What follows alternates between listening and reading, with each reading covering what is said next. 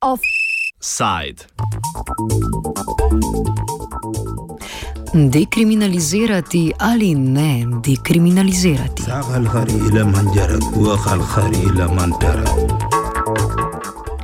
Organizacija Amnesty International je na včerajšnjem srečanju Mednarodnega sveta organizacije s predstavniki iz več kot 60 držav izglasovala podporo splošni dekriminalizaciji spolnega dela. Odločitev je posledica dveletnih razprav, analize rezultatov raziskav in pogovorov z različnimi organizacijami, ki delujejo na področju dela, spolnega dela, pravice žensk in enakosti. Že pred dejanskim glasovanjem in uradno razglasitvijo odločitve pa je organizacija doživela buren odziv z javnim pismom, v katerem prav tako različne organizacije z področja človekovih pravic in enakosti ter posamezniki in posameznice nasprotujejo to vrstni usmeritvi organizacije.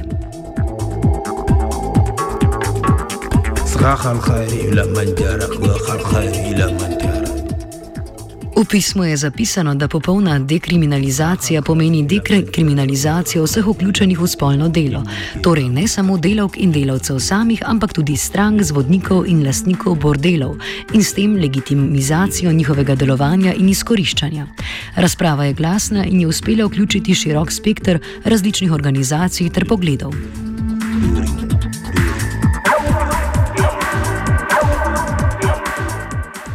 Med tistimi, ki so izrazili svojo podporo Amnestyjevi odločitvi, je Mednarodni komitej za pravice spolnih delavcev v Evropi.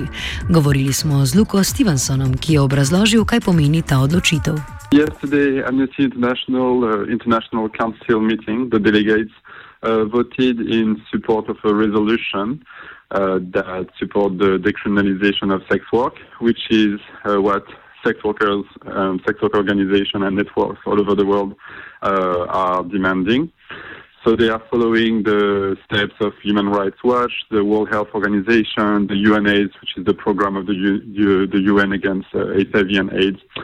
Uh, lots of other women's rights and LGBT rights organizations that support um, the full decriminalization of sex work. To have Amnesty recognize that uh, decriminalization is the only legal framework that help sex workers, you know, self-organize, uh, fight against exploitation, and protect human rights abuses. Um, but protect, sorry, protect human rights of sex workers is a, is really a, a strong and symbolic moment. Nasprotniki medtem trdijo, da popolna dekriminalizacija ščiti posrednike in stranke in ne delavk. Kaj s tem mislijo, razloži Stefani Torgensen iz švedskega ženskega lobija. We, we are very sorry to hear that Amnesty International has taken this decision. Uh, we believe that Amnesty fails its important mission as an organization working for human rights. It is a violation of human rights to buy and sell women in prostitution. Uh, it opposes fundamental um, human rights that Amnesty should work for, as uh, the Convention Against Slavery, the CEDAW Convention, the UN Resolution Against Prostitution and Trafficking. So by supporting the legalization of sex purchase, pimping, brothels, Amnesty defends actually the exploiters, but not the exploited and vulnerable that they should protect.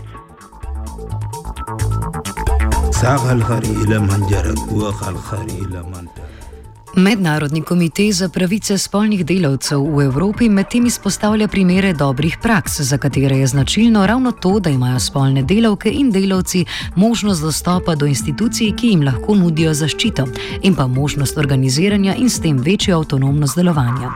Več Stevenson. Really, uh, Uh, New Zealand, who has decriminalized uh, sex work, and New South Wales in Australia, like one um, area of Australia. Where sex work has been decriminalized and that has proven success, like quite successful for sex workers in terms of access to health, access to justice. Um, of course, it doesn't mean that decriminalization means end of violence against sex workers. Sex workers are still among the most, you know, uh, vulnerable uh, people on the planet, and this is why uh, Amnesty International look at the issue and say we need to take a stand on sex workers' rights. Decriminalization doesn't mean violence will end or abuse or stigmatization. It will mean sex workers will can be treated as every other citizen. sex workers can report violence to the police instead of being having to hide from the police and can access justice through courts, etc. So it's uh, it's really important that organizations like Amnesty and others support decriminalization. Večkrat je v razpravah o stopni kriminalizacije spolnega dela omenjen pristop, ki izhaja iz držav Severne Evrope, tako imenovani nordijski sistem. Torger sem pojasnil, zakaj pri tem gre. The Nordic model decriminalizing the, uh, the, the selling but not the buying of sex. So it is legal to sell but not to buy women in prostitution. And this is because we see that sex purchase is a crime. And so women in prostitution are victims of crime. And victims should not be criminalized, they should get support. So the Swedish model supports women in prostitution and targets the demand for prostitution, which is the sex buyer because if there would be no demand for women in prostitution and nobody that wanted to buy, there would be no prostitution and trafficking.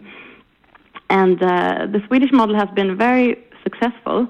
Um, prostitution and sex purchase and trafficking has been reduced in Sweden simply because it has had this normative effect on society. Less men think that it's okay to buy sex now than the, before the law was introduced.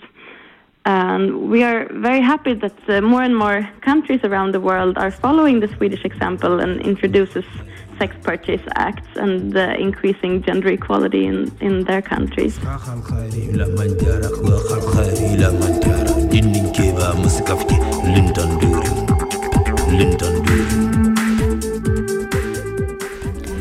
Nordijski model je tisti, ki naj bi po mnenju nasprotnikov amnestijeve usmeritve nudil zaščito najbolj ranljivim skupinam, v tem primeru spolnim delavkam in delavcem. A praksa kaže, da je v tem kar nekaj pomankljivosti. Pogosto gre namreč le za dekriminalizacijo državljank in državljanov EU, medtem ko migranske delavke in delavci ne uživajo enake zaščite. To že tako marginalizirano skupino potisne še dlje. Več o posledicah, kot so se pokazale predvsem na nizozemskem Stevenson. That's one of the issues uh, that um, it's only legal for EU citizens and not for uh, migrants from other countries. And it is true that in many Western European countries, the majority of sex workers are now migrants, many from Eastern Europe, but also from uh, you know China or Latin America or Nigeria, for example. And not giving people from uh, outside of the EU any rights is actually pushing them in the hands of like third parties and exploiters. So that's the problem with with any form of criminalization. You actually reinforce the, the powers of third parties and criminals and gangs, etc. It's only by decriminalizing that we allow sex workers to fight this exploitation, like we give them the rights to uh, to fight the, the, this kind of exploitation.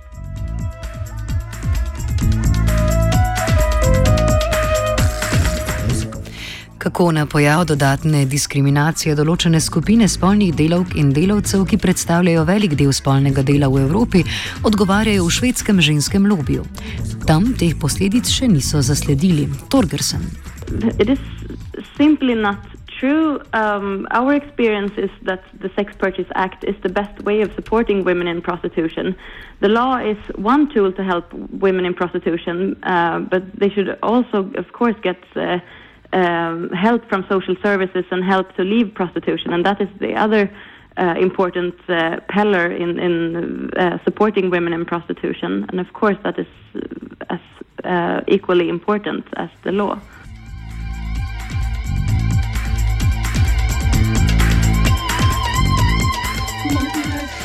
Argument, da naj bi samodelna dekriminalizacija imela učinke, ki bi spolno delo potisnila v še bolj stigmatizirano območje, saj bi ravno posredniki bili tisti, ki jim je sedaj najbolj v interesu, da njihovo delovanje ne pride na plano, je tudi argument amnestija.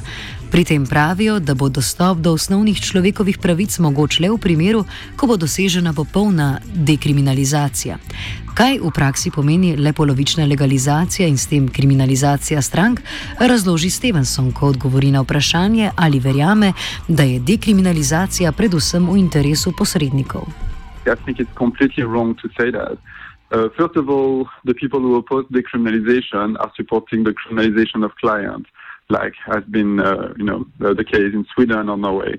But if you look at Norway, a, a month ago, the anti-trafficking units in Norway, where clients are criminalized, came out saying that the numbers of victims of trafficking in Norway has reached, you know, record numbers in the history of the country.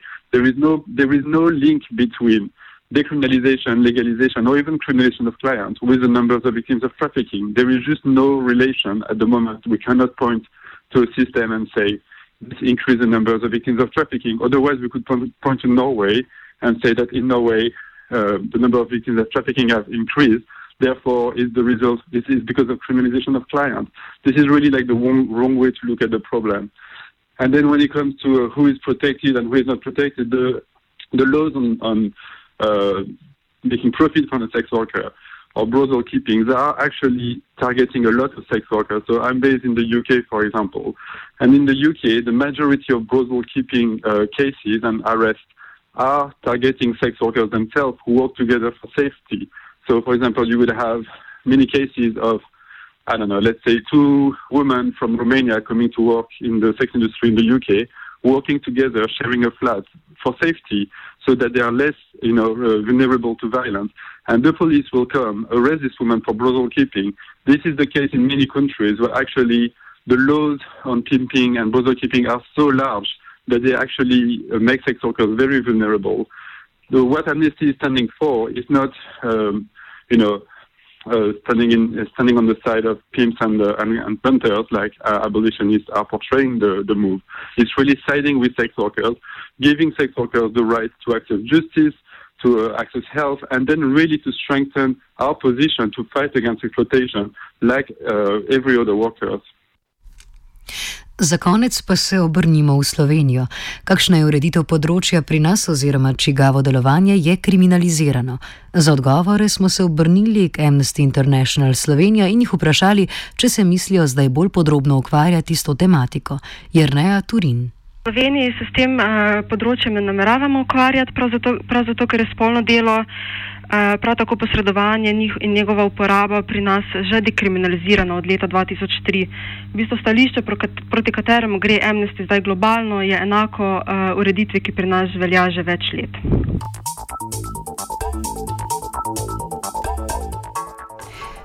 Slovenija torej na nek način vodi svojim zgledom in, če malo pretiravamo, postavlja svetovne trende. Informacije o tem, kakšne so v praksi posledice dekriminalizacije v Sloveniji, pa žal v večji meri ne zbira nihče.